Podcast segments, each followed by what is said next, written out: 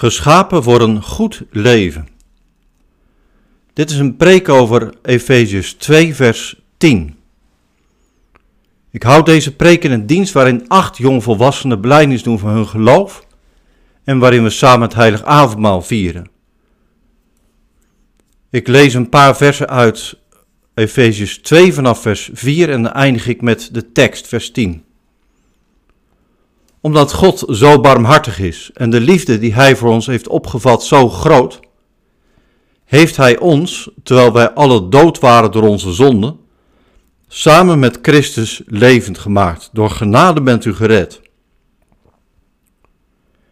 Hij heeft ons samen met Hem tot leven gewekt en onze plaats gegeven in de hemelsferen in Christus Jezus. Zo zal Hij in de eeuwen die komen laten zien hoe overweldigend rijk zijn genade is. Hoe goed Hij voor ons is in Christus Jezus. Door die genade bent u nu immers gered, doordat u gelooft. Deze redding dankt u niet aan uzelf, ze is een geschenk van God, geen gevolg van uw daden. Niemand kan zich er dus op laten voorstaan. Want Hij is het die ons gemaakt heeft tot wat wij nu zijn in Christus Jezus geschapen om de weg te gaan van de goede daden die God heeft voorbereid. Tot zover het woord van God. Gemeente van de Heer, beste luisteraar. Op deze feestelijke dag doen acht jongvolwassenen beleidnis van hun geloof. Je spreekt publiek uit dat je in God gelooft, dat je Jezus wilt volgen als lid van zijn gemeente. Wat betekent het om beleidenis te doen? Is dat een soort afronding? Zo wordt het vaak wel gezien. wat je is aangereikt door ouders, uh, op school eventueel. In de gemeente, denk aan vereniging, categorisatie, erediensten. Dat heb je je immers eigen gemaakt. Het is onderdeel van je leven geworden. Maar er klinken ook andere stemmen. Sommige mensen zeggen bij het feliciteren op zo'n beleidingsdag wel eens tegen degenen die beleidings hebben gedaan. Welkom in de strijd. De gedachte is, nu begint het echt. En wat is het nou? Is beleidings doen een afronding? Is het een nieuw begin? Is het beide? Ik denk dat het evangelie je helpt om hier goed naar te kijken. We hebben Efeze gelezen in vers 2, hoofdstuk 2 vers 10 staat... Hij is het die ons gemaakt heeft tot wat wij nu zijn. In Christus Jezus geschapen om de weg te gaan van de goede daden die God heeft voorbereid. Wat een schitterend woord. Blijdenis doen is een goede daad. Een die je doet op Gods weg.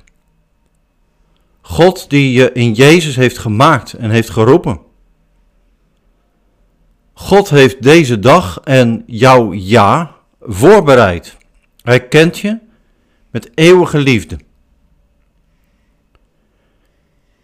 Het evangelie leert je om verder te kijken, oog te hebben voor wie God is en voor wat hij doet.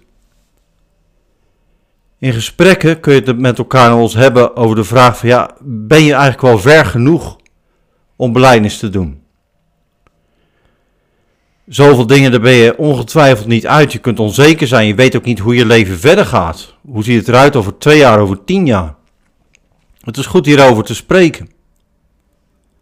Dat doen we in zo'n laatste jaar, een verdiepings- of een beleidingsseizoen. Dat doen we ook. Maar luister nog eens naar het begin van vers 10. God is het die je gemaakt heeft. In Christus. Dit is zo bazaal. Er staat iets als: Je bent Gods handwerk. Zoals een houtbewerker bijvoorbeeld aandachtig bezig is met zijn werk. Zoals iemand een gedicht schrijft, het voorleest. Zoals een juf kinderen leert lezen en schrijven. En na zoveel tijd kunnen ze dat. Zo is God met jou bezig. Ik denk dat als je er zo naar kijkt, dat je niet zo bezig hoeft te zijn met de vraag: is het nou vandaag een afronding of een nieuwe start? Deze dag maakt onderdeel uit van het werk dat God aan het doen is. Gefeliciteerd met deze dag. Met een goede keuze. Vandaag eren en danken wij God, Vader, Zoon en Geest. We gaan nu beter luisteren naar dit evangeliewoord. Er wordt wel eens gezegd dat in deze paar zinnen van Efeze, met name vers 8, 9 en 10 van hoofdstuk 2, het hele evangelie, zoals Paulus dat heeft gebracht, klinkt. Omdat we in onze gemeente naar Galaten aan het luisteren zijn, een van Paulus' brieven, dan snap je zo'n uitspraak wel. Paulus zegt bijvoorbeeld tegen de Galaten, het is niet belangrijk bent of je besneden bent, Gods verbondsteken.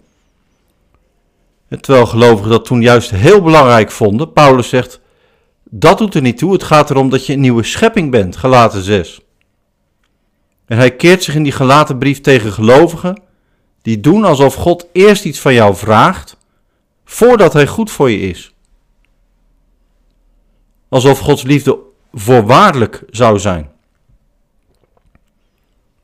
Van het begin tot het einde van de gelaten brief zegt Paulus in het midden dat God in Jezus iets nieuws begonnen is.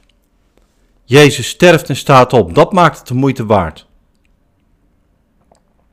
Nou, en dat bevrijdende evangelie, dat hoor je inderdaad in Efeze 2. Vers 8, je bent door genade gered. Zelfs je geloof is een cadeau van God. Je kunt er niet over opscheppen, vers 9. Eerder in dit hoofdstuk gaat het ook over het verleden van de gelovigen, over jezelf. Bedenk dat de gemeente van toen veelal bestond uit mensen die God eerst helemaal niet kenden. Paulus noemt dat leven zonder God doods, zinloos of saai. En als wij dat vandaag lezen, zeker met zoveel mensen die niet in God geloven, dan klinkt dat nogal hard en afwijzend. Maar waar het om gaat is dat je niet zonder God kunt. En die ervaring hoor je tot op vandaag als iemand zich bekeert tot geloof komt. En ja, hoe, hoe nieuw en hoe mooi dat leven is, hoe goed dat God rust geeft bijvoorbeeld. Dat je misschien niet meer zo snel uit het lood geslagen bent, omdat Gods geest je wil gidsen en coachen. Of dat je andere mensen, gemeenteleden om je heen hebt. Dat je er voor elkaar bent. Zo zegt Paulus dat leven met Gods genade in Jezus mooi en goed is. Hij heeft dat zelf ervaren. Wat was hij een fanatiekeling? Hij kende heel de Bijbel uit zijn hoofd. Maar als Jezus hem roept, wordt alles anders. In hoofdstuk 1 van Efeze gaat het erover hoe eindeloos rechtvaardig en liefdevol God in Jezus is. In hoofdstuk 2 wordt steeds duidelijk hoeveel God geeft, beter gegeven heeft. Vers 5. Je bent samen met Christus levend gemaakt. Je bent door genade gered. Vers 6. Je hebt een hemelse plek gekregen. Vers 10. Je bent geschapen in Christus Jezus. Vers 7. Er komt nog meer. Op de dag van Jezus. Zie je, kijk op naar God. Dat evangelie van redding, genade, geloof, wordt in die prachtige zin van vers 10 onderstreept. Ontvang dit. In het bijzonder straks, als we met elkaar het heilige avondmaal vieren.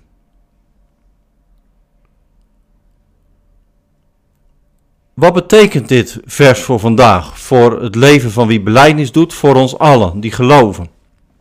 Nou, ik denk dit, je bent op de goede weg. Gods weg. En daarom is het ook feest voor ons allemaal, de gemeente, ouders, familie, vrienden. Het werk van God gaat verder. Ik hoop dat voor iedereen een gezegende dag is. Geniet van wat God geeft. Wat betekenen dan die goede daden, vers 10? Ja, misschien zijn wij protestanten niet zo dol op om het daarover te hebben zie je dat meer als iets wat bij de, ja, bij de katholieken een plek krijgt. Goede werken. Lees zondag 24 van de catechismus. Maar in Efeze past het gewoon, heel ontspannen. Want ons leven is Gods herscheppende werk in Jezus.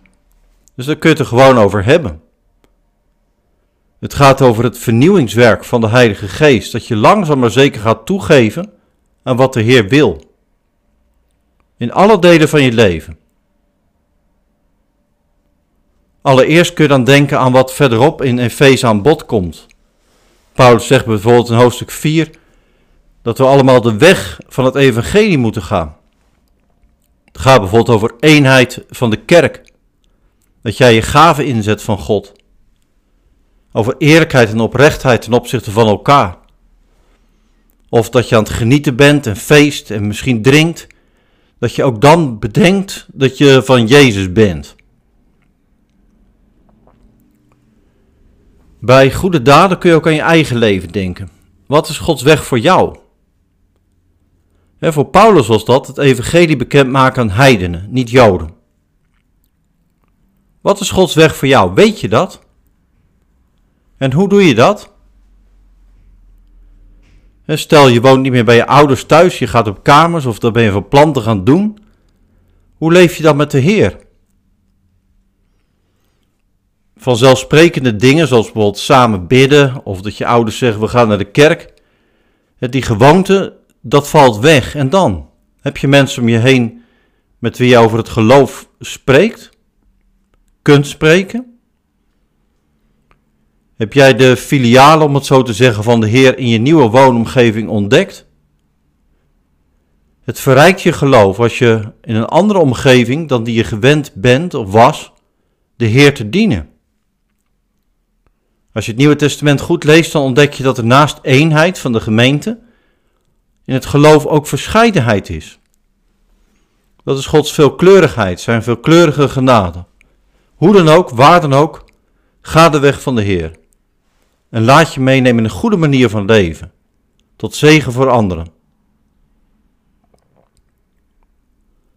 Tot slot nog dit. Niet iedereen van de verdiepingsgroep, de beleidnisgroep, doet vandaag ook beleidnis van het geloof.